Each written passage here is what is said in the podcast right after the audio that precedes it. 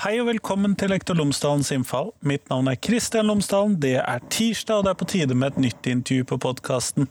Denne gangen snakker jeg med Ingrid Aspelund, seniorrådgiver ved Det europeiske Wergelandsenteret, og jeg snakker med Camilla Stabel Jørgensen fra NTNU. Vi skal snakke om hvordan vi kan undervise om 22. Eh, juli. Eh, hvilke opplegg finnes? Vi skal snakke om det opplegget de har laget, og vi skal snakke om hva som det er viktig at eh, vi lærere tenker på når vi gjør dette. Så skal vi selvfølgelig snakke om hvorfor vi må undervise om 22. juli.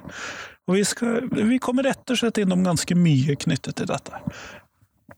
Ellers etter intervjuet så kommer jeg til å lese opp noen av de tilbakemeldingene jeg fikk på ukens Tenketorsdag-post, som var, eller forrige ukes Tenketorsdag-post, som var hva er den viktigste egenskapen til en arbeidsplasstillitsvalgt.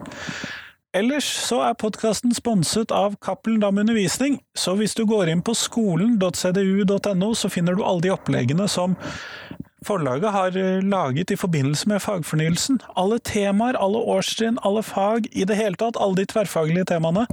Alle de tingene det finner du på skolen.cdu.no. For grunnskolen, altså. Men eh, nå skal du få intervjuet med Ingrid og Camilla. Vær så god.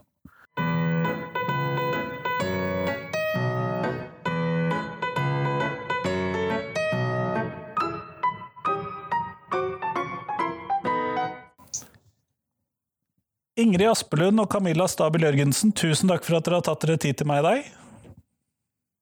Takk for at vi får komme. Takk. Før vi starter selve intervjuet, så håpet jeg at dere kunne fortelle lytterne mine tre ting om dere selv, sånn at de kan bli litt bedre kjent med dere. Og Ingrid, du har jo ikke vært med tidligere, så du kan få lov til å starte. Tusen takk. Ehm, jeg heter Ingrid Aspelund, jobber på Wergelandsenteret. senteret, hvor jeg bl.a. er prosjektleder Eh, for læringstilbudet knytta knyttet til læringssenteret på Utøya. Ja, jeg har studert uh, sosialantropologi, utviklingsstudier, religion, flerkulturell og internasjonal utdanning. Så man kan si det kanskje var litt tvil i familien min på hva jeg skulle bli. Men jeg kan melde om at det har gått veldig bra så langt. jeg kjenner meg igjen i den. Ja. det går bra med oss. Og så må jeg så jeg ta en liten sånn, Det er ikke en fun fact, det er kanskje en litt sånn irriterende fact, da. men jeg er jo dessverre for folk rundt meg en sånn person som liker å løpe. Eh, kanskje litt sånn lett jogging, slik at jeg akkurat rekker bussen, akkurat rekker toget. Um, Syns det er grusomt å stå og vente. Det var vel tre ting, tror jeg. Det høres ut som tre ting. Camilla?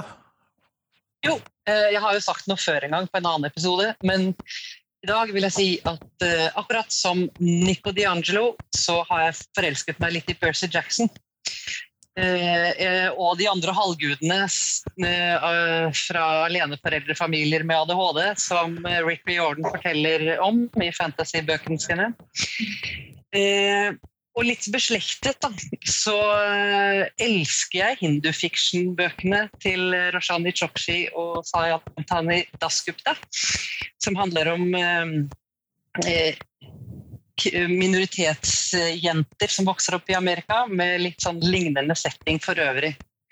Eh, Arusha, den ene serien, liksom, hun har også aleneforelder, akkurat som med Riordan sine. Mens Sayantani Dasgupta hun introduserer på en måte enda et tema med fosterforeldreskap. I tillegg til det litt sånn mytologiske foreldreskapet. Da. Og jeg tenker at de er, eh, Alt det her er, tror jeg er veldig egnet for å arbeide med livsmestring i skolen. Jeg hører at vi trenger noen lenker her, Camilla, som vi kan legge i shownotesen. Ja visst, det skal du gjerne få. Uh, og så, det tredje jeg vil si, er at jeg er veldig takknemlig uh, for at du og for så vidt andre skolepodkastere uh, lager podkast om og for folk som, og med folk som bryr seg om skole. Fordi jeg oppfatter at det gir et godt bidrag til saklige samtaler om skole. Eh, gjennom forskningsformidling. Eh, og du har jo nå i det siste hatt disse tenketorsdagsspørsmålene der det blir mer av en samtale med lytterne også. Eh, og når jeg skjønner at du er 100 lærer òg, så må jeg si da er jeg enda mer både takknemlig og imponert. Tusen takk for det. Det varmer godt. Men det er noe helt annet som vi skal bruke tiden på i dag, enn mulighetene som ligger her i podkasten. Fordi at deres institusjoner og dere har vært med på å lansere en sånn læringsressurs om 22. juli-terroren. Og da må vi jo først starte med eh, hvordan, hva er denne læringsressursen, hvordan er den? Ja. Vil du begynne, Ingrid, eller? Ja, det kan jeg. Læringsressursen er, uh, er, en gratis og tilgjengelig uh, ressurs på nett uh, som skal være en støtte for, for lærere i å undervise om 22.07, og særlig i sammenheng med, med demokrati og medborgerskap. Eh, og dette var et prosjekt som, eh, som eh, NTNU, Institutt for lærerutdanning på NTNU og Wergelandsenteret fikk i 2018. Og så har vi jobba i to år med å samle et slags grunnlag da, for, for, å utvikle denne, denne ressursen. Og sammenhengen er jo selvfølgelig innføringen av læreplanene av fagfornyelsen nå i, eh, i, høst. Og det at 22. juli kommer jo også nå inn eh, som et tema som er nevnt under, eh, under samfunnsfag. Eh, tverrfaglig tema demokrati og medborgerskap. Eh, så I forbindelse med det så har vi laget denne ressursen for eh, å støtte lærere rett og slett i å på en måte tenke litt klokt rundt hvordan man underviser om 22. juli. Eh, og vi har brukt hovedspørsmålet vårt er jo hva kan barn og unge lære om og av 22.07. Som, som et hovedspørsmål for, som også er et måte, spørsmål vi stiller til lærere. Da. Det var vel ganske kort fortalt, Camilla? Ja visst. Eh, hvis man eh, vil ha med liksom hele historien, så, så, har det jo bakgrunn i et spørsmål i Stortingets spørretime, som etter hvert på en måte ble til eh, en bevilgning som eh, lå til grunn for at det var mulig på en måte å gjøre jobben. Eh, ja. Eh, og så vil jeg jo selvfølgelig, siden jeg jobber i lærerutdanning, legge til at ressursen er selvfølgelig òg for lærerstudenter som ønsker å jobbe med det her. Og lærerutdannere som eh, ønsker å jobbe med det. Nettopp. Ja. Eh, men hva slags type temaer er det den inneholder? Veldig glad for at du spør om akkurat det. vi har, vi har Dels har vi formulert sju temaer som er eh, knytta til 2. juli og terrorangrepene da. Eh, så de, det, er, eh, det ligger der. Og det, det er altså angrepene og redningsarbeidet som det første. Og ofrene som det andre. Tyver er det tredje. Og tidlige kulturelle uttrykk og offentlige samtaler er det fjerde rettsprosessene er det femte, og da er det jo flere, og ikke bare den ene rettssaken, men Ja, for da er det de etterpå, de rettssakene i ettertid også, da, eller?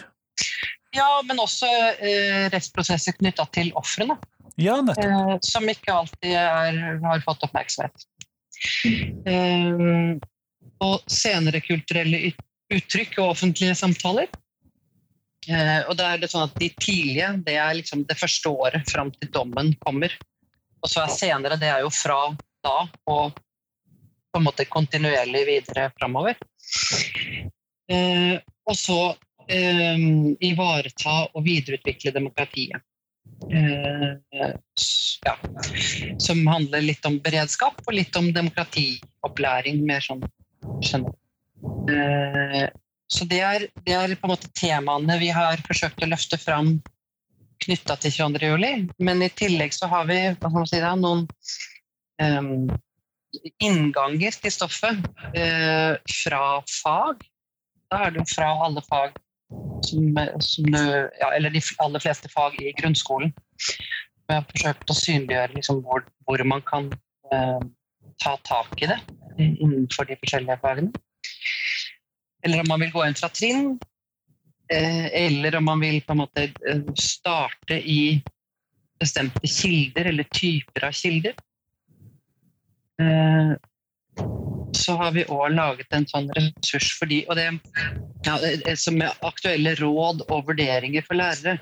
Og det er fordi at i hvert fall da vi, eller jeg kan jeg jo si, men vi var jo flere her på NTNU, begynte å jobbe med dette her, så, så var jo ikke dette noe vi liksom følte at vi kunne. Og det kjentes litt skummelt. Jeg vet ikke om Ingrid hadde det på samme måte noen gang, men da, da vi begynte å samarbeide med Wergelandsenteret, så var jo Ingrid allerede liksom, at man er fullbefaren og hadde hatt med mange folk ut på Utøya og var liksom inne i det. Men det vil jo alltid for, eh, for, for, de fleste så vil det liksom være en begynnelse på det å jobbe med dette stoffet. Og kanskje særlig i en sånn fase så er de rådene og vurderingene ment å fungere som en stoff. Ja, Ingrid, hvordan var det å ha en del erfaring fra den undervisningen på Utøya til å komme inn i dette prosjektet? Jeg tenker det var eh, det var, det var fint eh, å ha med de erfaringene vi har, også fordi vi snakker med såpass mange elever og lærere i løpet av et år. Eh, og vi har jo hatt Bergelandsenteret i samarbeid med Utøya har jo drevet dette læringstilbudet siden, siden 2016, hvor vi hadde første elever der ute. Um, så det er klart at særlig på et område hvor vi også mangler, uh, og kanskje savner også en del forskning, på hva er det som faktisk foregår i klasserommene eh, når det kommer til 22. juli-undervisning. Eh, I hvilken grad det ses det opp mot demokratilæring. Så merker vi at de erfaringene vi hadde, måtte, eh, var viktige da, inn, inn, i det. Og de rådene og vurderingene og for så vidt hele struktureringa av læringsressursene er jo egentlig basert på tilbakemeldinger fra, fra lærere både gjennom læringsprogrammet på Utøya, men også vi hadde en referansegruppe med lærere med oss. Eh, da var det lærere som hadde undervist om 22. juli en del allerede. Det var lærere som kanskje var litt nye for temaene, men som hadde en annen type eh, kompetanse og bakgrunn som var nyttig å ha med. Så hadde vi også lærere som, som selv eh, var direkte, er direkte berørt av 22. juli. Uh, og det var også veldig nyttig å ha med seg uh, inn i, i, prosjektet. På en måte deres vurderinger rundt uh, når snakker man 22. juli?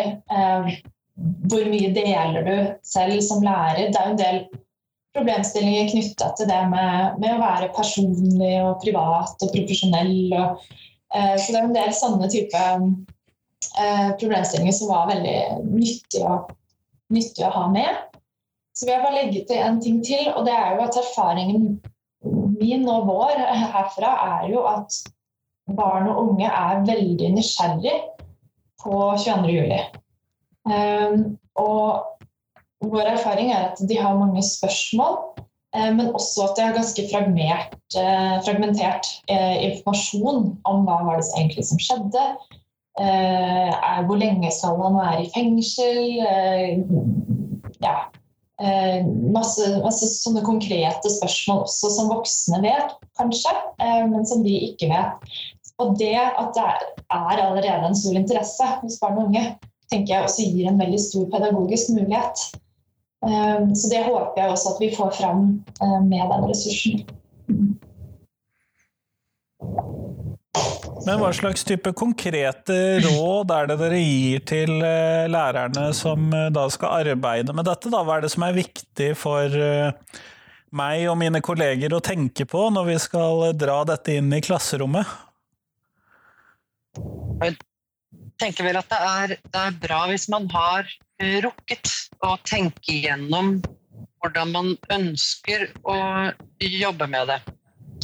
Sånn at man kan bestemme seg for om man vil eh, planlegge å ta opp 22.07 på et bestemt tidspunkt i årsplanen. Eh, eller om man vil på en måte vente på at det dukker opp en eller annen terroraksjon eller noe annet som, som gjør at det blir satt på dagsorden. på en måte. For det er de to prinsipielt måte, forskjellige måtene det kan komme til å bli tematisert i skolen, ser vi for oss. Altså er, man kan planlegge det og synliggjøre for alle i god tid. Liksom. At i mars eller når det måtte være, så skal det foregå. Eh, Eller så er det jo sannsynlig at på et eller annet tidspunkt i elevers skoleløp så vil det, vil det komme en nyhetssak som gjør at dette at, at elevene vil be om på en måte at det blir gjort til tema. Da. Og, sjansene for å uh, forberede seg som lærer, og for å forberede elevene og kolleger og foreldre eller foresatte, det er jo bedre hvis du har, har rukket å tenke gjennom og planlegge. Men begge, begge, situasjoner forsøker vi å gi råd eh, til på, eh, på disse, disse, ja, på disse nettsidene. Jeg tenker jeg kan legge til også det at vi, vi gir også noen eh, eller viser til noen generelle råd til det å ta opp vanskelige eh, også sensitive temaer. Um, for det er jo så litt av tilbakemeldingen vi har fått fra lærere, er at 22. juli kan være et vanskelig tema å ta opp fordi det er berørte en selv kanskje opplever å være berørt, eller man har elever eller kollegaer eller, eller lokalsamfunnet. eh, har vi opplevd ved flere anledninger, også også når vi har møtt elever og lærere på Utøya, at de eh, liksom vanskelig å, å, vurdere på en måte om man skal ta det opp når man vet at noen er, er berørt. Men eh, der håper jeg også at vi kan gi noen sånn, eh, litt sånn generelle råd. Også fordi dette handler om hvordan skolen og, og eh, håndterer det. Da. Og har på en måte en slags policy på hvordan man håndterer håndtere vanskelige spørsmål. Eh, og en konkret ting vi ser, er jo ofte at lærere kan være veldig berørte eh, og syns det er vanskelig å snakke om og vanskelig å vurdere. Eh, ja, tråkker jeg feil nå, eller sier jeg noe feil nå? Den, kanskje litt sånn bekymring for den telefonen du eventuelt får i etterkant. Mens elevene ikke nødvendigvis har den opplevelsen fordi mange elever i dag ikke husker 22. juli. Eh, så elever kan være mye mer frampå og stille spørsmål om alt fra å være interessert i De er ofte gjerne interessert i gjerningsmannen og våpen. Og, altså, mens lærere vil opp og snakke om, eh, om rosetog og demokrati. Eh, så det også blir en sånn eh, interessant skille mellom elever og lærere da, i møte med 22.07 som tema. Så det håper jeg også at, at noen av de generelle rådene kan, kan hjelpe til med. da. Eh, og da liker jeg jo en, Det er jo Jon Håkon Schulz og Magne Raundalen som lagde en læreveileder etter 22.07. Eh, hvor et av rådene er jo eh, at det er terror som er skremmende, ikke samtalen om terror. Som er en sånn veldig konkret råd. som jeg selv har syntes har vært nyttig også da, i møte med både barn og unge. At det er også voksnes jobb å, å hjelpe til med å rydde litt og gi noen knagger og um, ja. Nei, for Du sier jo noe der, for jeg kan jo tenke meg at mange foreldre vil uh, tenke at uh, de, barna bør jo vernes fra dette og ikke bør ha om dette. At de bør få lov til å være barn lengst mulig, hører jeg noen argumenter gjentatt i hodet mitt her som jeg har vært borti på både dette og andre temaer tidligere. Hva tenker dere om den responsen fra foreldrene? Mm. Har, altså, noe av det vi så da vi begynte arbeidet, var at det fantes eh, nesten ingenting for de yngste elevene. Det fantes for videregående og de eldste elevene på ungdomstrinnene. på en måte. Eh, mens oppdraget vårt handlet faktisk om hele grunnskolen. Eh, sånn at vi har jo har jo jobbet med det, og, og hadde jo også med lærere den, den referansegruppa som Ingrid snakket om. De var jo fra hele grunnskoleløpet. Eh, og eh, vi snakket en del da om hva er det mulig på en måte å jobbe med med de yngste. Eh, så vi tenker at vi gir, forsøker å gi en del råd om det, og det er jo altså eh, som Ingrid sier, rådene fra eh, Schultz og Raundalen og andre krisepsykologer, er jo at eh, man ikke skal eh, unnlate å snakke med barn om det som er viktig og som er skremmende. Fordi at det er ikke samtalen om det som er det verste. Det er jo det som skjer, det virkelig verste. Så hvis barn opplever at voksne ikke er villige til å snakke om det som er viktig og skummelt og skremmende med dem, så, så kan det på en måte være mye, mye verre enn det å faktisk snakke på forståelige og ikke liksom utilbørlig detaljerte og, og liksom Hva sier man da? groteske detaljer-måte, liksom. For det er, noe, det er jo ikke behov for på noe som helst vis, og ikke nødvendig på noen måte.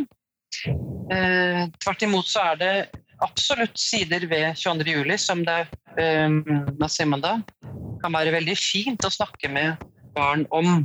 Nettopp sånn som rosetog. Eh, og det er jo i minnematerialet, som jo finnes mye av digitalt tilgjengelig, så er det jo mye der som er laget av ganske små barn. Eh, så det kan være en inngang til å arbeide med det som hva skal man si da, som, som er veldig sånn gjenkjennelig for de yngste elevene og barna. Fordi at det er, det er uttrykk som, de, som ligner ting som de lager selv, på en måte. Eh, samtidig som det forholder seg til da, den litt sånn store uh, historien om, uh, om angrepene. Og legge til også det at altså Når vi snakker om demokrati og menneskerettigheter, da, så er jo Barnekonvensjonen sier jo også at barn har rett til informasjon. Eh, barn har rett til, til eh, også å få tilgang til media og Sånn at det, det, tenker jeg også ligger jo mye i, i skolens oppdrag. Da. Og skolen er jo nettopp en arena hvor du kan gjøre dette innenfor på en måte trygge, men også faglige rammer. Um, så det tenker jeg absolutt er viktig. Uh, og litt sånn tilbake til den ressursen vi har, så er jo Vi har jo noen ganske sånn konkrete ressurser for uh, de lavere trinnene. Vi har valgt ut en rekke bilder som vi ser at disse kan brukes. Der var det også lærerne fra, som jobber på første til sjuende trinn som var med å velge ut. Um, og så ser vi at jo eldre elevene blir, jo mer kan man også gå inn og problematisere. Um, det å f.eks. Eh, se på responsen.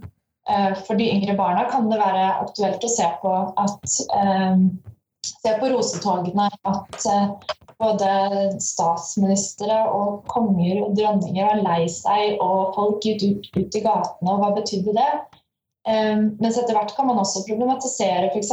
det at i tiden rett etter bomben smalt, hvor mange som trodde at det var, eh, var Al Qaida eller eh, mistenkte da, eh, muslimer i Norge for å på en måte være tilknytta dette angrepet på et vis.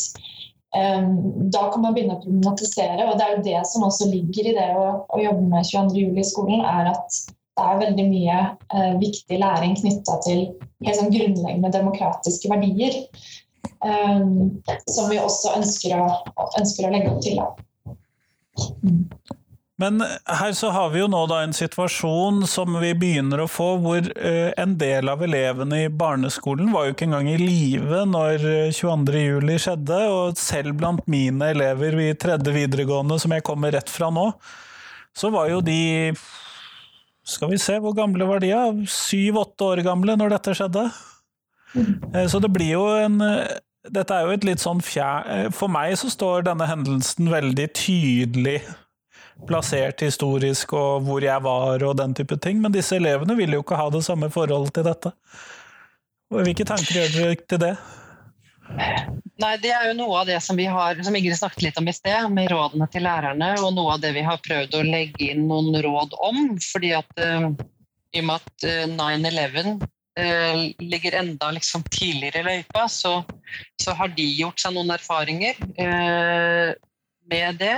Og det er jo på en måte det der med at det er um, for, for, noen, altså for lærere, da, som Ingrid sier, så er det nær virkelighet og, og veldig berørende.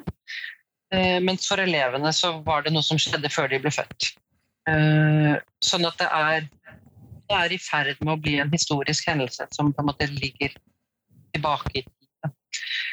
Uh, og det at eh, det å skulle behandle noe som er veldig berørende for læreren, men som elevene altså Noen er veldig interessert, og noen kanskje ikke bryr seg eller skjønner at det er interessant overhodet. Liksom.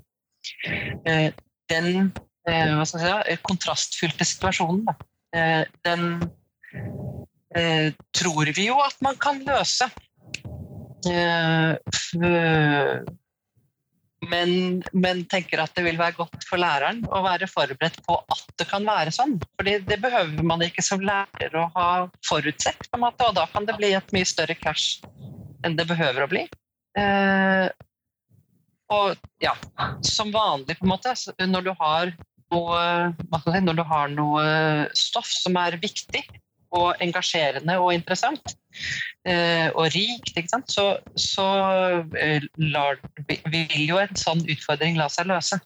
Og det er jo 22. juli er jo eh, I all sin forferdelighet så er det jo mange muligheter for å lære viktige ting. og det er det vi har forsøkt å legge til rette for her, da. At det er viktige ting angående samfunnet og demokratiet som vi deltar i, og som jo er en viktig del av skolens oppdrag. Sant? Å eh, lære opp til deltakelse eh, i demokratiet.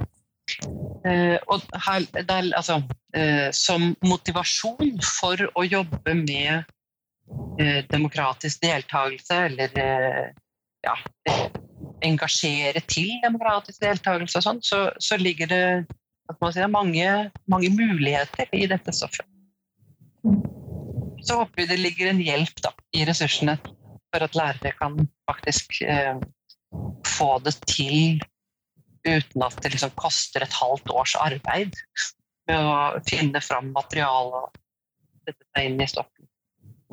Så tenker jeg jo også at det I og med at 22. juli også var jo eh, terrorangrepet var jo et angrep på ungdom eh, og barn på sommerleir eh, på Utøya.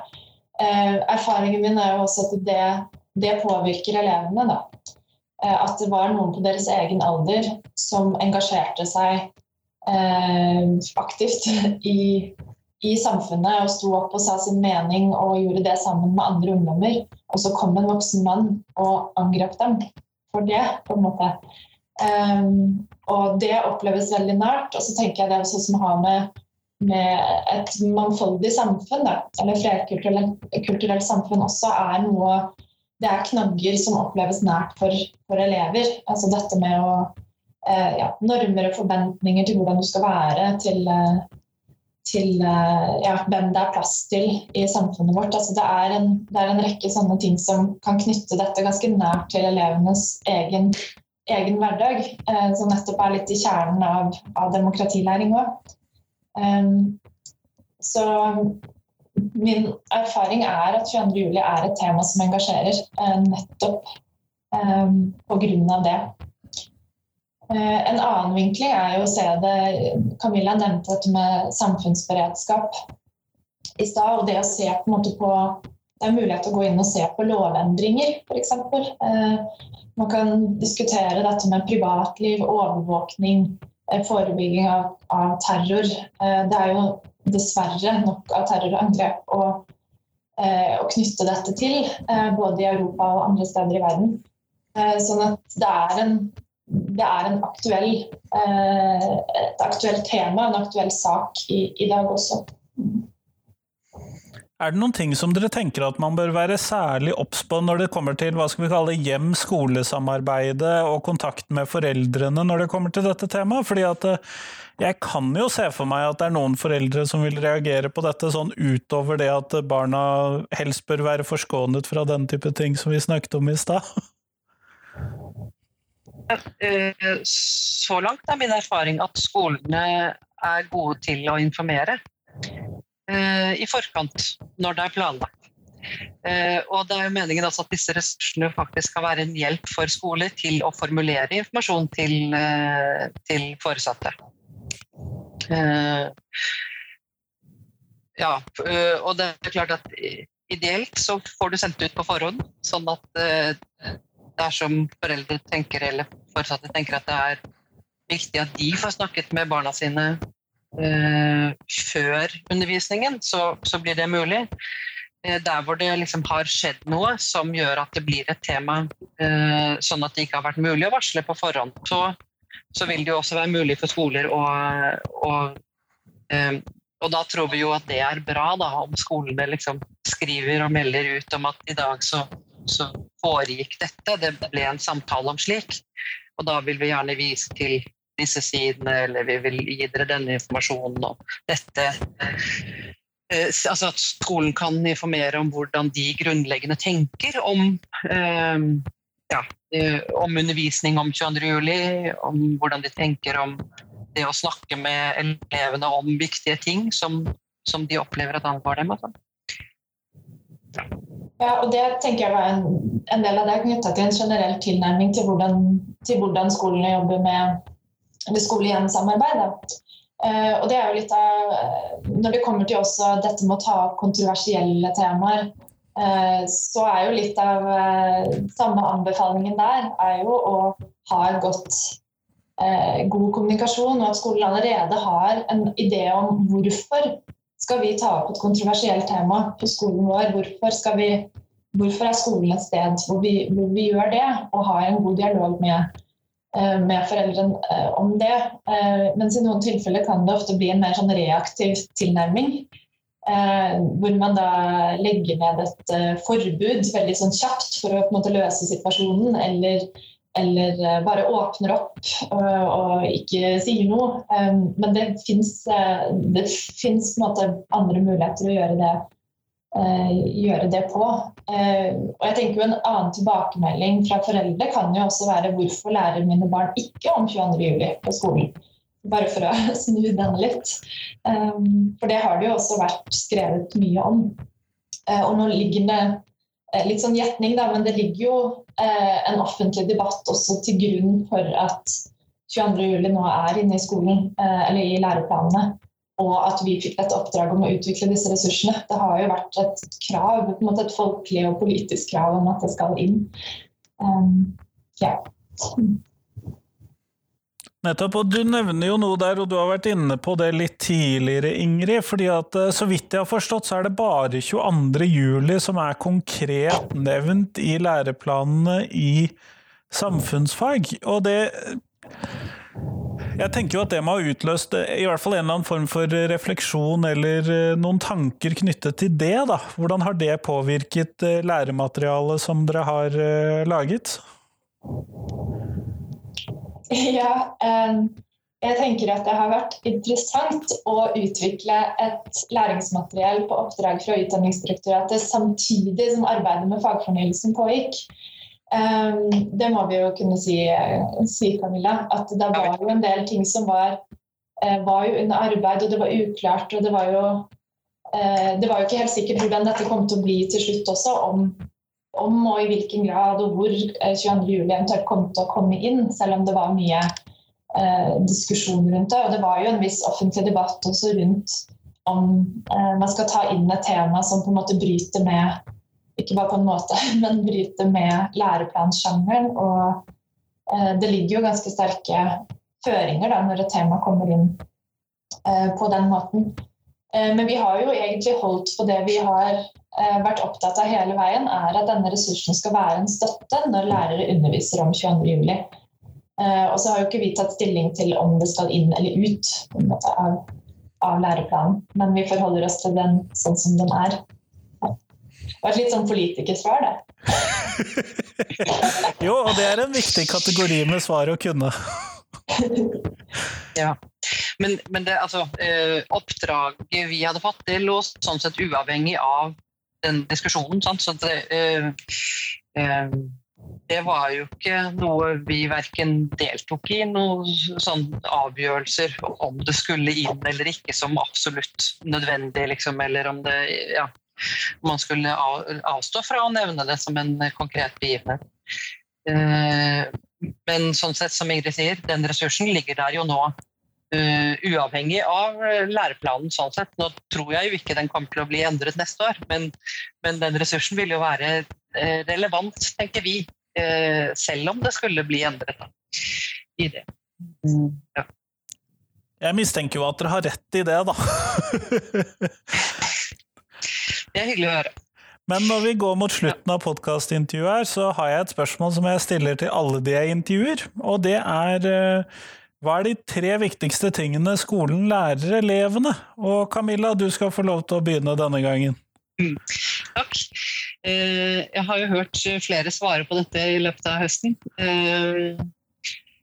Og tenker at det, det, første jeg vil si, det er egentlig da igjen liksom noe litt sånn motfors i forhold til spørsmålet, nemlig at eh, skolen skal i hvert fall passe seg for å ikke liksom avlære barn nysgjerrighet og lærelyst. Det er veldig viktig. Det må, det, men det er jo noe barn har. så der, Det er ikke noe skolen trenger å lære dem. Men bare pass på å ikke liksom overlesse dem med for mye som de ikke skjønner meningen med til at de liksom eh, får beholde eh, nysgjerrighet og lærelyst. Men så de tre tingene som jeg tenker at skolen faktisk liksom, og med, med eh, god grunn kan jobbe med å lære elever. Eh, da bestemmer jeg meg for å gå for Desecos nøkkelkompetanser.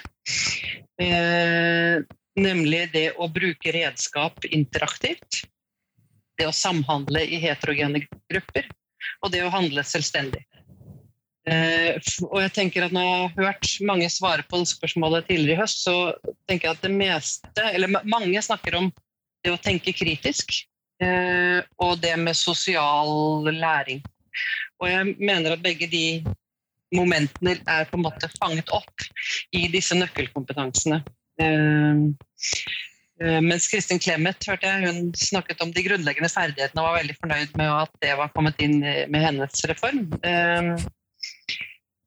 Eh, men de ligger jo inne i dette med å bruke redskap interaktivt. Sant? Eh, det er bare at de, nøkkelkompetansen er litt sånn eh, jeg si, den, den tar det lenger, tenker jeg, enn de grunnleggende ferdighetene. I hvert fall ferdighetsbegrepet tenderer mot å lukke det. Også det sosiale handler om å samhandle i heterogene grupper. Bare en sånn, litt sånn spissformulering av, av det innholdet. Å handle selvstendig, der ligger det selvfølgelig det å tenke kritisk. Um, ja. Kjempeflott, Ingrid. Ja, um, jeg tenker at det første henger litt sammen med uh, uh, arbeidet med denne læringsressursen om 22.07. Um, fordi vi så, I det arbeidet så, så vi på mulighetene til å jobbe med 22.07. ulike fag. Eh, og fikk inn veldig gode folk og ekspertise som kunne se på muligheten for det. Så jeg tenker at En veldig viktig ting som skolen kan lære elevene, er å, det å se og forstå verden med ulike briller. Eh, og forstå og kunne tenke kritisk om verden ut ifra ulike fag. Eh, det det syns jeg er, er spennende. Og i tillegg så så tenker jeg veldig ofte på det når vi møter elever eh, på Utøya i en litt sånn eh, annerledes eh, situasjon. Eh, hvor liksom du bryter opp til den vanlige klasseromsdynamikken. Og, eh, så tenker jeg at det er noe med at, eh, at den du er, og det du gjør, betyr noe. Jeg tenker at det, det er veldig viktige ting som skolen kan, kan bidra til.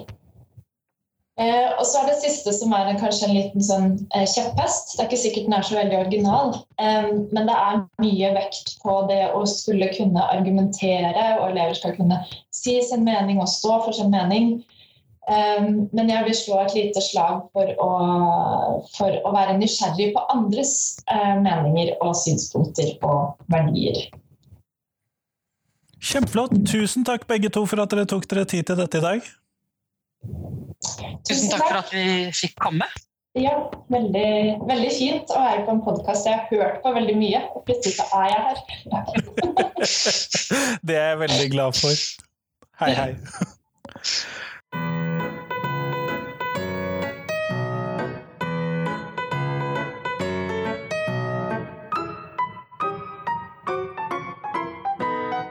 Tusen takk til Ingrid, og tusen takk til Camilla, og tusen takk til deg som hørte på. Nå er det fire dager fram til neste podkastintervju, eller det er vel kanskje tre Ja, det kommer på fredag i hvert fall. Men fram til da så håper jeg at du kan bli med i diskusjonen om hva er den viktigste egenskapen til en arbeidsplasstillitsvalgt? For det spurte jeg om i forrige ukes Tenketorsdag-post, som kom 14. januar. Eh, og inne på Liv bak fasaden i Oslo-skolen så sier Espen Christoffersen integritet. Gro Huser sier integritet og ryggrad. Mette Larsen sier kjærlighet. Kjetil Sørlien sier kunnskap og rolleforståelse. Og Alexander Meyer, som du har hørt på podkasten tidligere, sier evne til å tenke prinsipielt og handle deretter. Inne på Status lærer så sier Lisette Dagsland Tella Roli at en som er nøytral i saker, tydelig, driftig og engasjert, som jobber for at kollegaene skal ha et godt og trygt arbeidsmiljø. Nå ble det egenskaper i flertall fra meg. Lars Olav Pressegård sier viktig å være ombudsmann, kvinne, bidra til å korrigere ledelsen om de ikke tar nok hensyn til de ansatte, være litt vaktbikkje.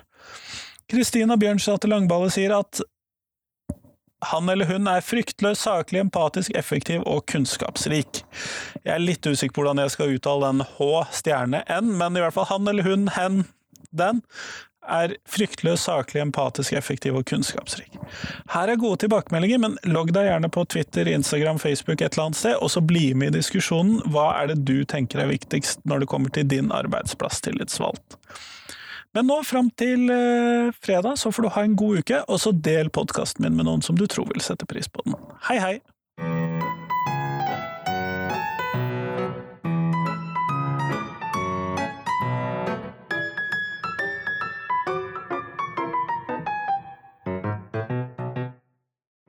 Husk at du kan gå inn på Instagram for å finne bilder av uh, Lektor Lomsdalens innfall. Så kan du se litt hva jeg driver med der.